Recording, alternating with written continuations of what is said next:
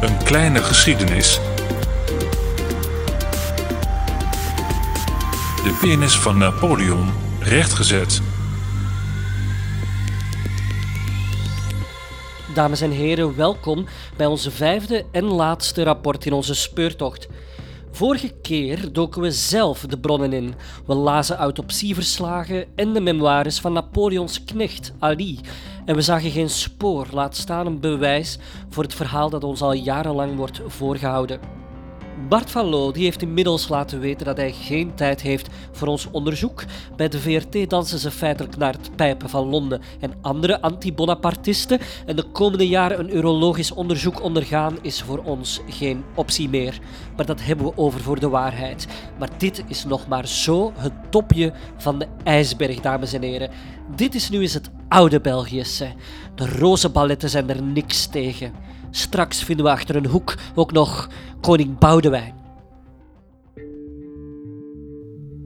Ergens in de Amerikaanse staat New Jersey woont Evan Latimer, die een hele collectie rariteiten van haar vader, de uroloog Dr. John Latimer, heeft geërfd.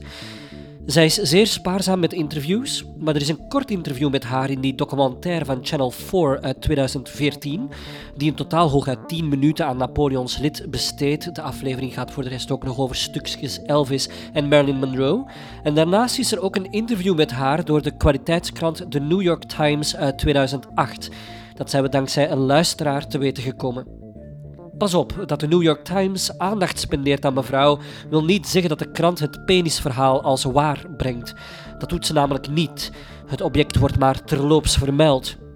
Nee, nee, de New York Times die zag eerder relevantie in het feit dat iemand zo'n buitennissige verzameling erfde van meer dan 3000 onconventionele, soms morbide memorabilia met dinosauruseieren, maar ook de bebloede kraag van Abraham Lincoln of stukjes leder uit de autozetel van de limousine waarin president Kennedy is doodgeschoten, tot zelfs de cyanide-capsule waar Hermann Göring zelfmoord mee pleegde in zijn cel in Nuremberg.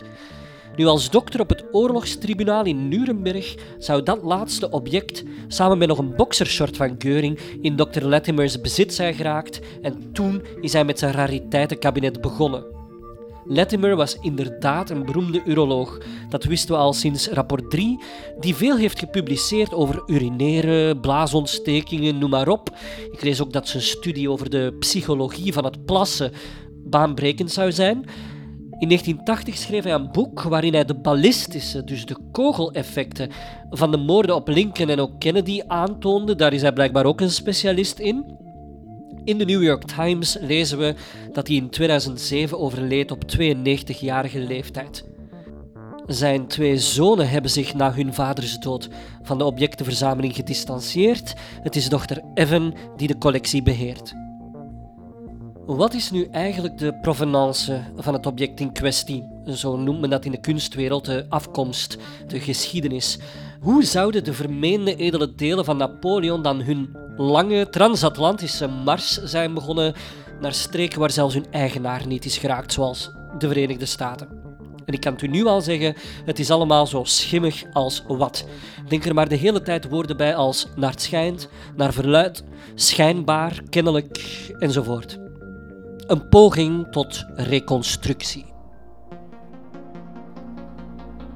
De roddelmolen begint duidelijk al te draaien daags na de autopsie op 6 mei 1821.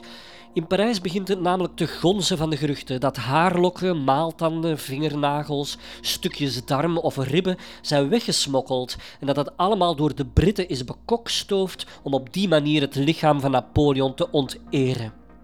Dit is, zoals we in het vorige rapport zagen, niet helemaal van de pot gerukt.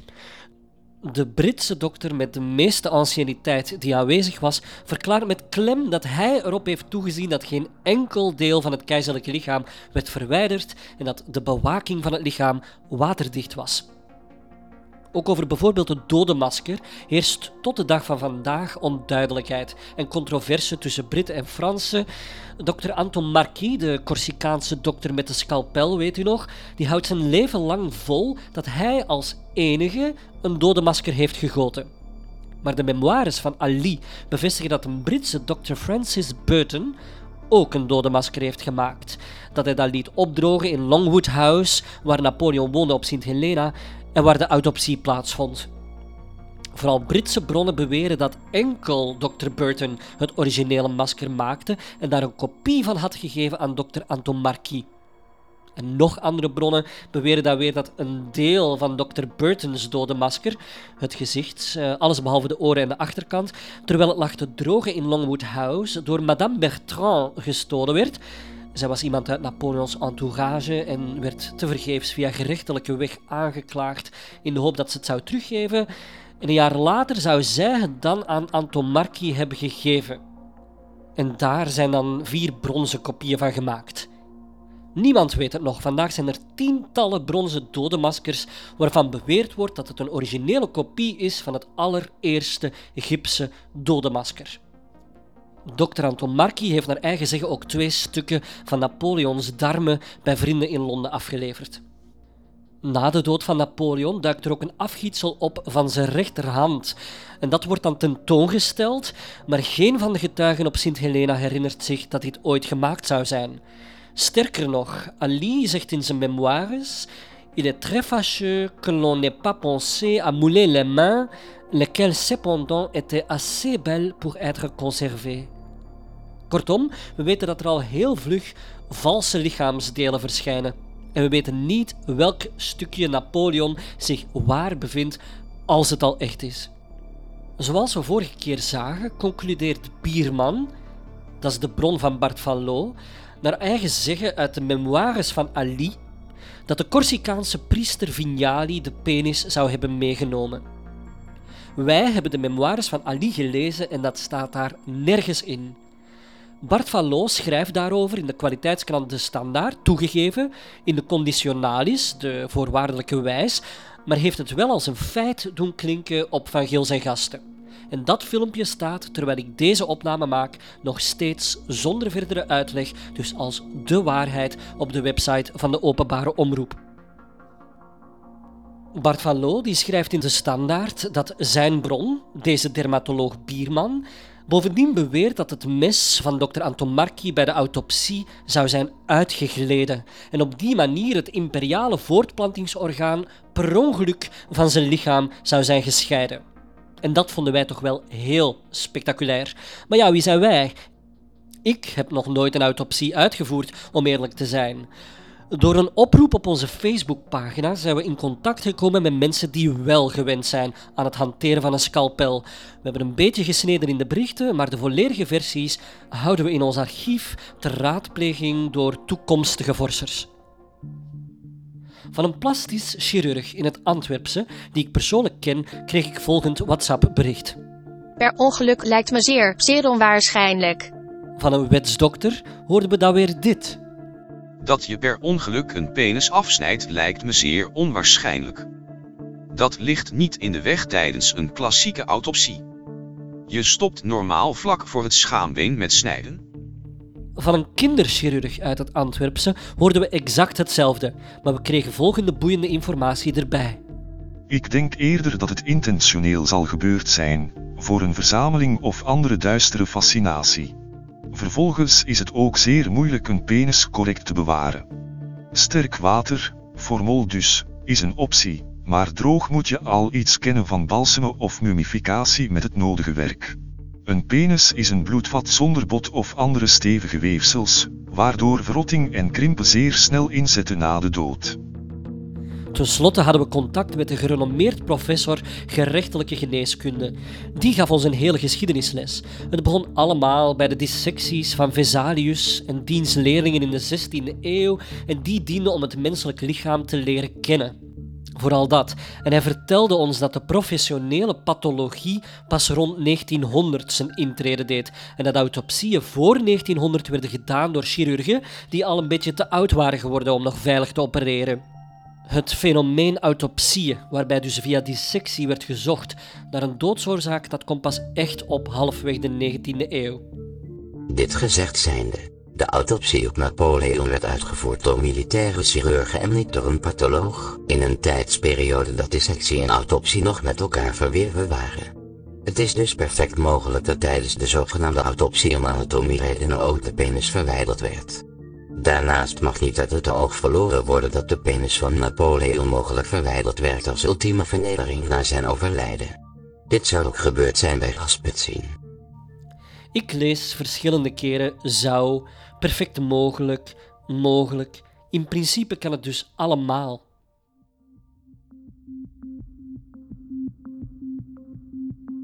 Maar eigenlijk was deze navraag bij chirurgen in ons onderzoek voor niets. Bart van Loo had dus, zoals ik net zei, beweerd dat zijn bron, Bierman de dermatoloog, op basis van diens bronnenonderzoek had geschreven dat de penis per ongeluk afgesneden werd. En dat zijn wij gaan dubbelchecken bij die Bierman. Wat blijkt nu? Bart van Loo's bewering klopt niet. We hebben het Engelstalige boekje van Bierman gelezen en die beweert dit niet. Hij citeert wel ergens een Britse professor chirurgie die in twijfel trekt of je zoiets ongezien of per ongeluk kan afsnijden. En dat heeft Bart van Loo misschien verkeerd gelezen. We mogen niet vergeten dat Bart van Loo een romanist van opleiding is en geen germanist.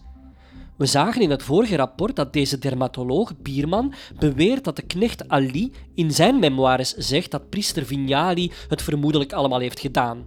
Maar ook dat zijn we gaan dubbelchecken in diezelfde memoires en wij vinden dat evenmin terug.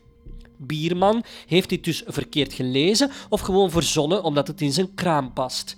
En vervolgens is Bierman verkeerd door Bart van Loo geparafraseerd er wordt in Ali's memoires wel gezegd dat dokter Anton Marchi twee delen van een rib aan priester Vignali gaf en aan nog iemand anders. Dat hebben we vorige keer zelf gelezen.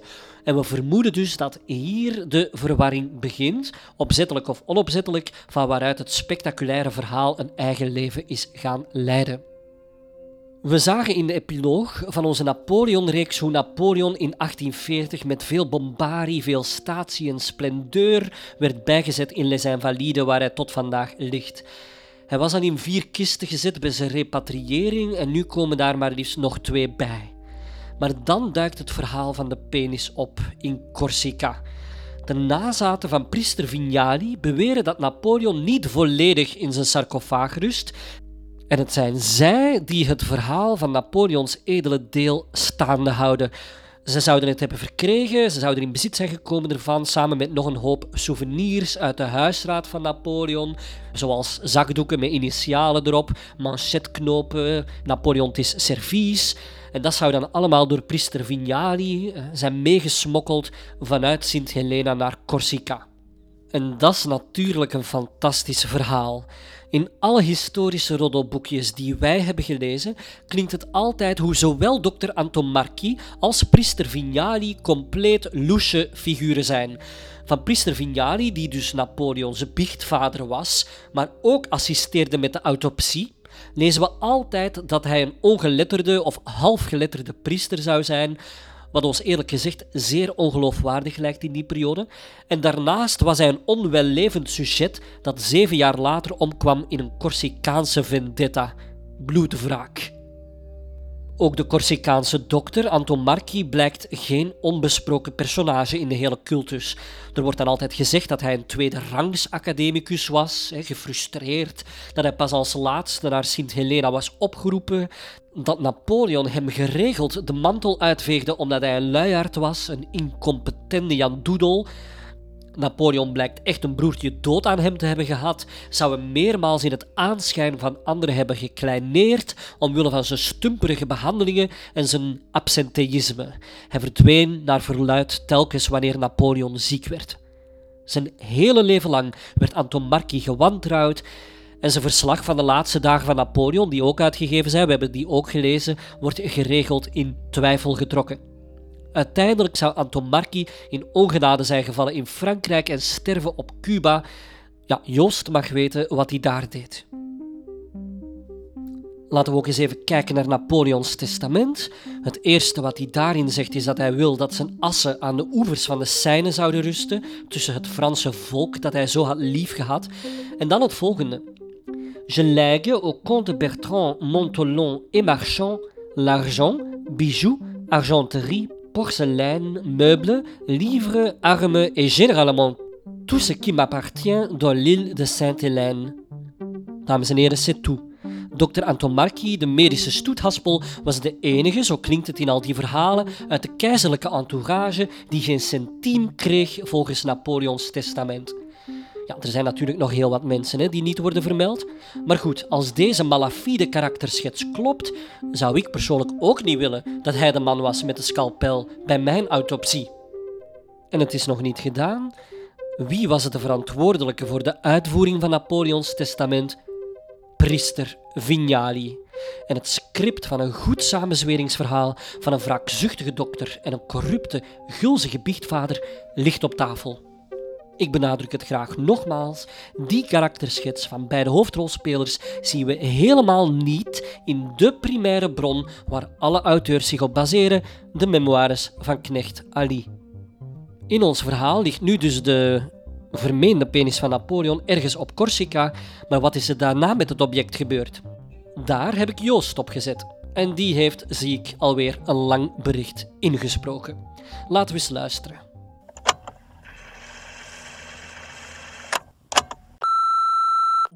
Hey, dag Jonas. Ja, het is eigenlijk bijna niet te doen om de verkoopsgeschiedenis van het object te achterhalen. Het zijn allemaal obscure bronnen en, en alle getuigenissen, historische wc-boekjes en internetpagina's spreken elkaar de hele tijd tegen.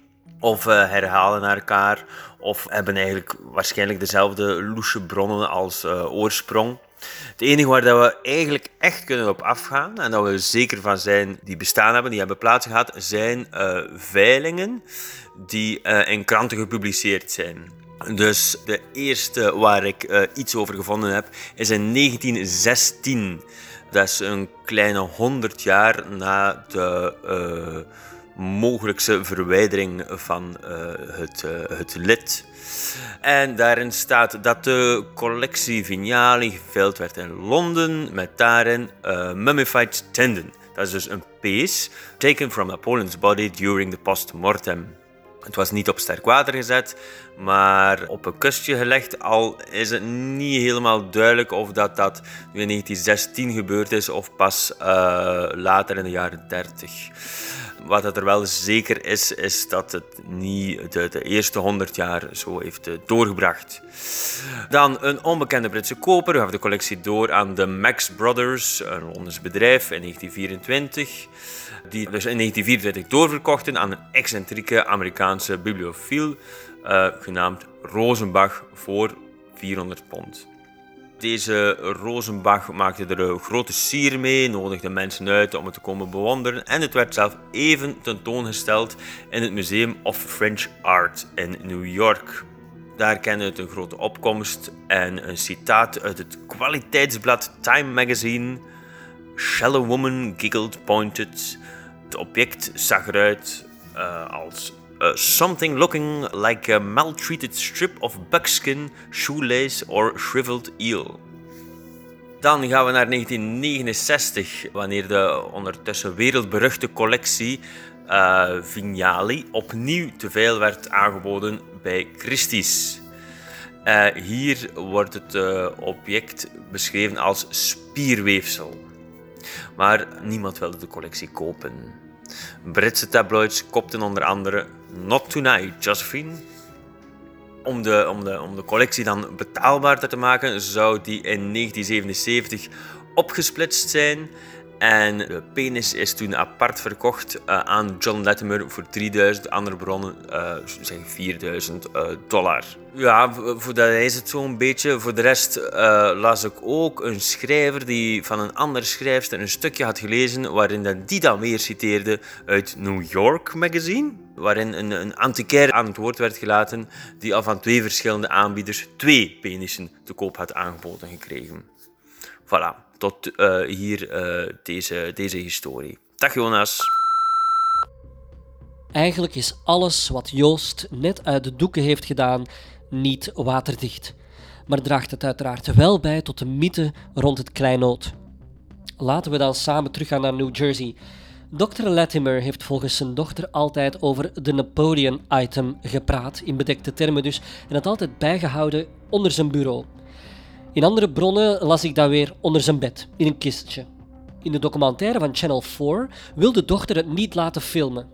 Volgens haar is het hele idee juist dat zij als enige een unicum bezitten, in gevaar als je beelden ervan verspreidt. Dus als kijker zien we het niet. Ook haar vader wilde over het object niet praten, officieel. We zien als kijker in de documentaire wel een mooi zwarte kistje met een N erin gegraveerd van Napoleon. Er zouden maar tien mensen het object ooit in het echt hebben gezien. De dochter Evan Latimer ziet het als een waterdicht bewijs dat de knecht van Napoleon, zij bedoelt uiteraard onze Ali, schreef: We hebben stukjes afgesneden. Ja, dat wordt altijd als argument aangehaald, hoewel, dat zagen wij vorige keer, Ali zegt stukjes van een rib. En dat wordt er nooit bij gezegd. Als een ander bewijs haalt Evan Latimer aan dat inventarissen van veilingen altijd spreken over een pees of een spierweefsel, maar dat X-rays aan de Columbia University hebben uitgewezen dat het om een penis gaat. Nu, zoals gezegd, circuleert er online eigenlijk maar één wazige foto, wellicht omdat de familie Latimer weet dat de herkomst gecompromitteerd is, maar het gedoe er rond wordt er uiteraard niet kleiner door. Wij vonden één auteur die het object heeft mogen zien, Tony Perrottet, en die omschrijft het als in elk geval klein, gekrompen tot de grootte van een babyvinger, met een witte verschrompelde voorhuid en droog beige vlees. Ook in de documentaire van Channel 4 mag de documentairemaker als enige het kistje open doen en het object zien. We gaan eens even luisteren.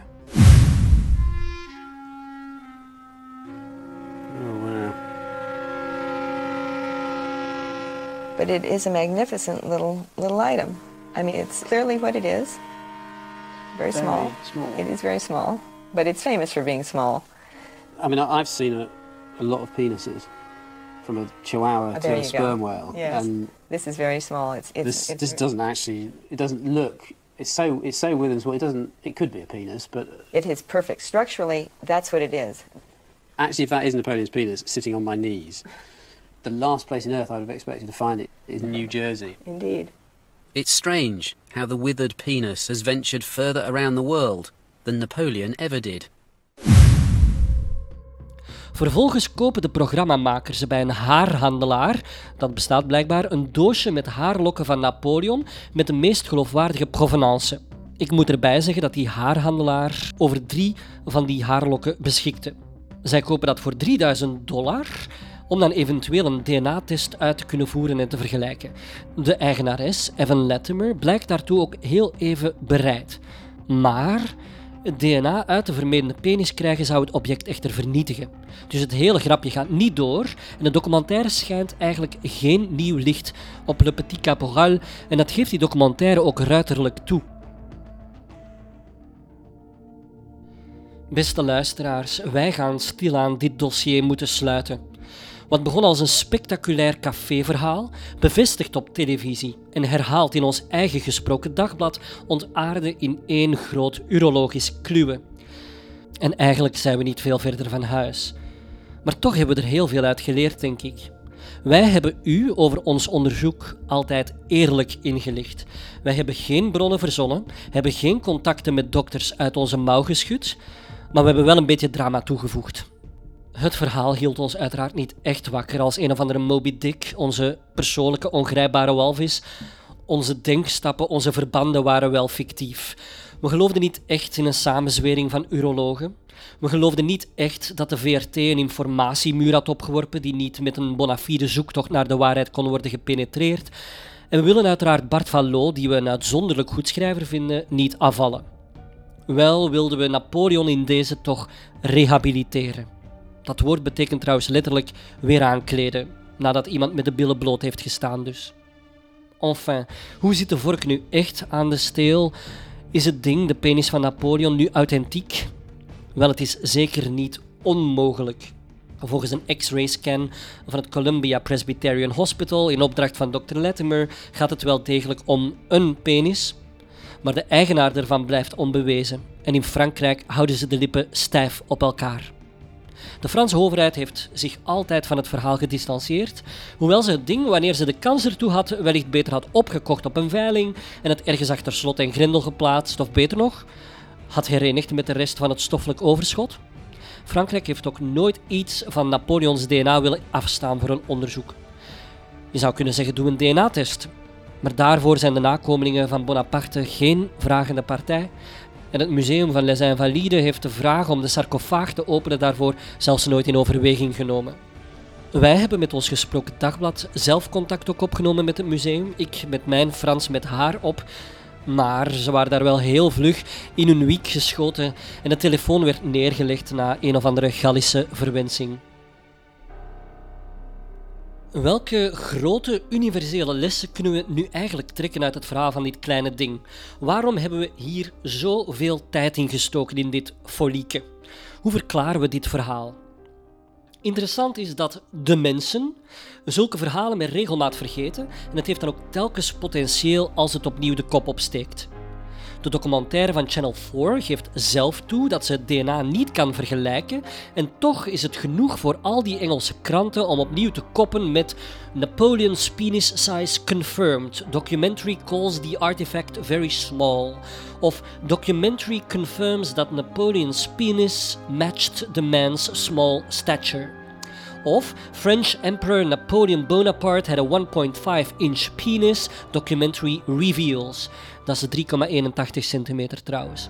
Maar uh, sorry, die documentaire confirms of reveals juist niks en is daar heel eerlijk over. Dat soort gedrag hebben we eigenlijk ook gezien toen VRT Nieuws het artikel online postte, het verhaal van Bart van Loo in Van Giel zijn gasten. Mensen houden hiervan, van dit soort verhaaltjes, en of het verhaal nu waar is of niet, is dan gewoon van ondergeschikt belang. Wij gaan dit verslag dan ook overmaken aan de VRT met de uitdrukkelijke vraag om dit te verwijderen. Ook vragen we Bart van Loo officieel via deze weg om in zijn optredens het onderwerp voortaan met het nodige voorbehoud te lanceren. We gaan het zeggen zoals het is, dit is een broodje aapverhaal en het is heel duidelijk dat de nadruk in dit verhaal moet liggen op de afmetingen van het ding. En dat begint eigenlijk bij een Brits autopsierapport dat twee jaar na de eigenlijke autopsie is opgesteld. Weet u nog van vorige keer, die laatste zin refereert aan de kleine afmeting van het hele voortplantingssysteem, wat dan zou verklaren dat Napoleon geen seks kon hebben, zoiets. En later werd het dan in de publieke opinie het bewijs voor Napoleons Napoleon-complex. Dat verhaal is groter en groter geworden in diezelfde mate als het object zelf uitdroogde en kromp. Bart van liet ons terecht weten dat het verhaal één ding bewijst. Mensen willen echt alles van Napoleon weten, van zijn lievelingsgerecht, over zijn paarden tot zijn edele delen. Mensen kikken eigenlijk op tastbare reliquieën, omdat die ze het dichtst brengen bij the real deal. En daar valt dan natuurlijk ook munt uit te slaan. Marengo, Napoleons lievelingspaard waarop hij zelfs in Waterloo zat, werd na de veldslag naar Groot-Brittannië gebracht, waar het dan als een soort van showbeest werd rondgeparadeerd en daar werd het later ook als een skelet opgezet na zijn dood. Maar dit wordt aangevochten. Eigenlijk vinden we geen echte waterdichte bewijzen dat Marengo überhaupt in Waterloo was. Marengo had ook minstens één dubbelganger. En ook het beroemde schilderij door Jacques-Louis David met Napoleon op de stijgerende Marengo zou wel eens niet op Marengo zijn gebaseerd. De bronnen geven geen uitsluitsel. Blijkbaar is er ook een ander paar van Napoleon, Jaffa, naar Engeland gebracht. En in Frankrijk zijn er ook een paar paardenskeletten die Marengo zouden zijn. Het haar van de staart van Marengo heeft duizenden juwelen gesierd. Professor Jo Tollebeek van de KU Leuven heeft daar ook net een boekje over geschreven getiteld De paarden van Waterloo. Mij riekt het ook verdacht veel naar pak die horecaketen van het Hard Rock Café, waar je dan naartoe gaat omdat er tegen de muur rock and roll memorabilia hangen, zoals ik zeg maar iets, een plektrum van Jimi Hendrix van op het concert daar, of de gehandtekende gitaar die John Bon Jovi op dat concert bespeelde. En ook de katholieke kerk heeft van reliquieën haar ding gemaakt vingerkootjes, haarlokken, schedels, tanden van de heilige Cindy hier, of niet-lichamelijke stukjes van objecten met betrekking tot het leven van de heilige Kevin ging erachter. Vaak ook allemaal tegen betaling te zien, of je moet er toch minstens een hele bedevaart voor ondernomen hebben met bijbehorende overnachtingen, kerkbezoeken enzovoort. Om het te kunnen aanschouwen. Het is allemaal big business. Zelf voelde ik me ooit in Budapest in het ootje genomen, omdat ik naar de rechterhand van de heilige koning Stefanus stond te kijken. Ik moest dan geld in een automaat steken en dan ging er zo'n gordijntje open of een lichtje aan, ik wil het kwijt hebben, sla me dood. En ik kon me dan als in een katholieke piepshow pakweg 60 seconden aan het object vergapen. Toch allemaal maar een beetje raar. En als je alle vermeende Spaanders van het Heilige Kruis wereldwijd zou verzamelen, kan je volgens mij vijf heilige kruisen bijeenplakken. In de middeleeuwen waren er 18 kerken, waaronder de kathedraal van Antwerpen, die beweerde het Praeputium Domini te bezitten. En dat is de heilige voorhuid van Jezus Christus. En dat brengt ons opnieuw in die schaamzone. De katholieke kerk heeft dan wel als voordeel dat ze kan rekenen op het geloof van zijn volgers. Die vragen niet om DNA-bewijs, maar daarbuiten is het toch net iets anders. Er is geen enkel doorslaggevend bewijs geweest van de authenticiteit van de penis van Napoleon. Van een behulpzame luisteraar ontvingen we een lijst van allemaal vermeende overblijfselen van historische figuren. De paardenstaart van de middeleeuwse Jacoba van Beieren die ligt in Dordrecht. De rechter middelvinger van Galileo Galilei die staat in een albasten vaas in Firenze. De schedel van René Descartes die ligt ergens in Zweden. Hersenweefsel van Mussolini in de Verenigde Staten. In het jaar 2000 kwam de Russische geheime dienst op de proppen met de zogezegde schedel van Hitler. De hersenen van Einstein liggen in Princeton en de beenderen van Jozef Mengele, de kamparts van Auschwitz, die worden aan de Universiteit van São Paulo gebruikt in de opleiding forensische geneeskunde. Nu, van die opsomming zijn bepaalde objecten ongetwijfeld waarachtig. Maar van die oudere objecten kan je het niet bewijzen.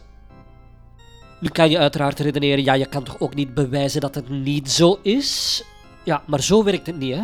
Het is aan de claimer om te bewijzen dat hij gelijk heeft, niet aan de anderen om te bewijzen dat de claimer ongelijk heeft. Ik kan ook met pakweg melk en peperkoek een misbaksel kneden en plots tegen iedereen beginnen zeggen: hé, hey, pst, ik heb hier de linkernier van pak Felice.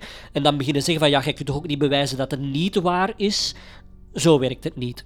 Maar mensen houden van straffe historische verhalen omdat ze nu eenmaal charmeren.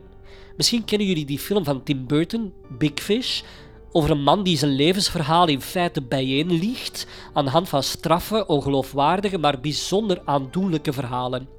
De moraal van de film is dan zoiets als als een grijze, saaie waarheid uitblinkt in middelmatigheid, waarom dan geen mensen blij maken met ontroerende verhalen waarvan die mensen vaak zelf weten dat ze niet waar zijn, maar waarvan ze wel gelukkiger worden?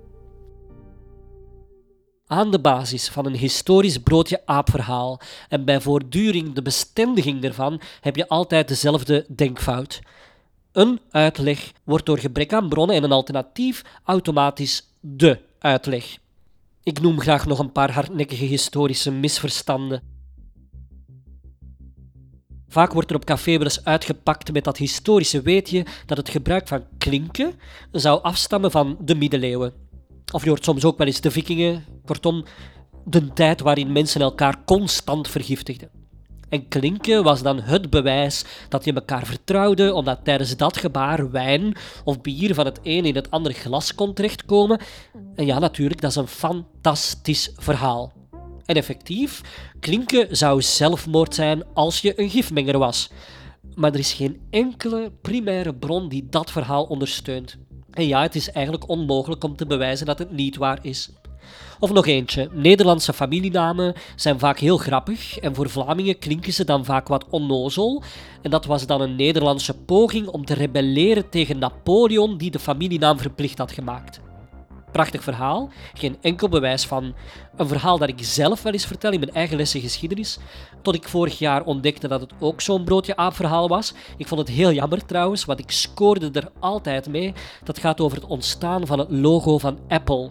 Dat zou dan verwijzen naar Alan Turing, de man die tijdens de Tweede Wereldoorlog de Duitse Enigma-code kraakte door de computer uit te vinden. En zo de oorlog drastisch heeft ingekort, omdat de Britten voortaan mee konden luisteren met de Duitsers. Nu, na de Tweede Wereldoorlog is Alan Turing veroordeeld omwille van zijn homoseksualiteit en hij moest een chemische castratiekuur ondergaan. Een behandeling dus daartegen. En hij pleegde uit pure depressie zelfmoord door een vergiftigde appel te eten. Wel, dat verhaal is correct. En het logo van Apple is een appel met een stukje eruit. Maar de link tussen beide is compleet verzonnen. Bij Apple kennen ze het verhaal. En in het BBC-programma QI Excel vertelde Stephen Fry in 2011 hoe zijn vriend Steve Jobs hem ooit vertelde: It isn't true, but God, we wish it were. In het Italiaans is er een uitspraak: Se non è vero, è ben trovato. Het zou gebaseerd zijn op een uitspraak van Giordano Bruno, een Italiaanse wiskundige, astronoom, filosoof en dichter, die door de katholieke kerk in 1600 tot de brandstapel is veroordeeld voor ketterij. Misschien kennen jullie zijn knappe standbeeld wel in Rome op de Campo dei Fiori. De uitspraak betekent zoveel als: als het niet waar is, is het goed gevonden. En daar valt uiteraard heel veel voor te zeggen. Maar het zorgt, net zoals in het heden, voor een wildgroei aan toffe leugens. En ook voor deze extraordinary claim, de penis van Napoleon, was er geen extraordinary evidence. Enfin, hoe gaan wij nu verder met ons gesproken dagblad? Wel, we beloven dat wij u nooit doelbewust gaan voorliegen.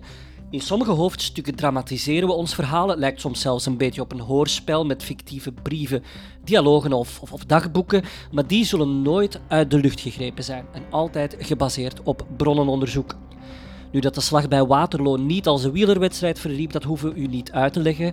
Dus sta ons ook toe om ons af en toe wat creatief uit te leven. Wij staan ook altijd open voor rechtzettingen. Dat is hoe het werkt. Zoals u misschien al heeft gemerkt, voegen we in onze beschrijvingen bij onze afleveringen die u kan lezen op uw podcast-app niet alleen onze geraadpleegde en geciteerde bronnen toe en leestips, maar ook errata, fouten of rechtzettingen. Wij willen ook bijleren, dus bedankt om ons op deze fouten te wijzen. Grotere historische misverstanden of notoire vervalsingen die plannen we in deze reeks, die we dus gaan verder zetten, ook nog recht te zetten zoals we met de penis van Napoleon hebben proberen te doen. Deze minireeks werd gemonteerd zoals altijd door Philip Veekmans en kwam inhoudelijk tot stand door mezelf, Jonas Goosenaerts, in samenwerking met mijn favoriete mede-Napoleon-freak Joost Pauwaard. Napoleon is zijn hobby en passie en was nu ook even zijn freelance bezigheid. Oh ja, had ik al gezegd dat hij een tattoo-versie van het beroemde schilderij van Napoleon op, op misschien Marengo op zijn buik heeft. Dedication heet dat. En graag tot later allemaal. Een kleine geschiedenis. De penis van Napoleon rechtgezet.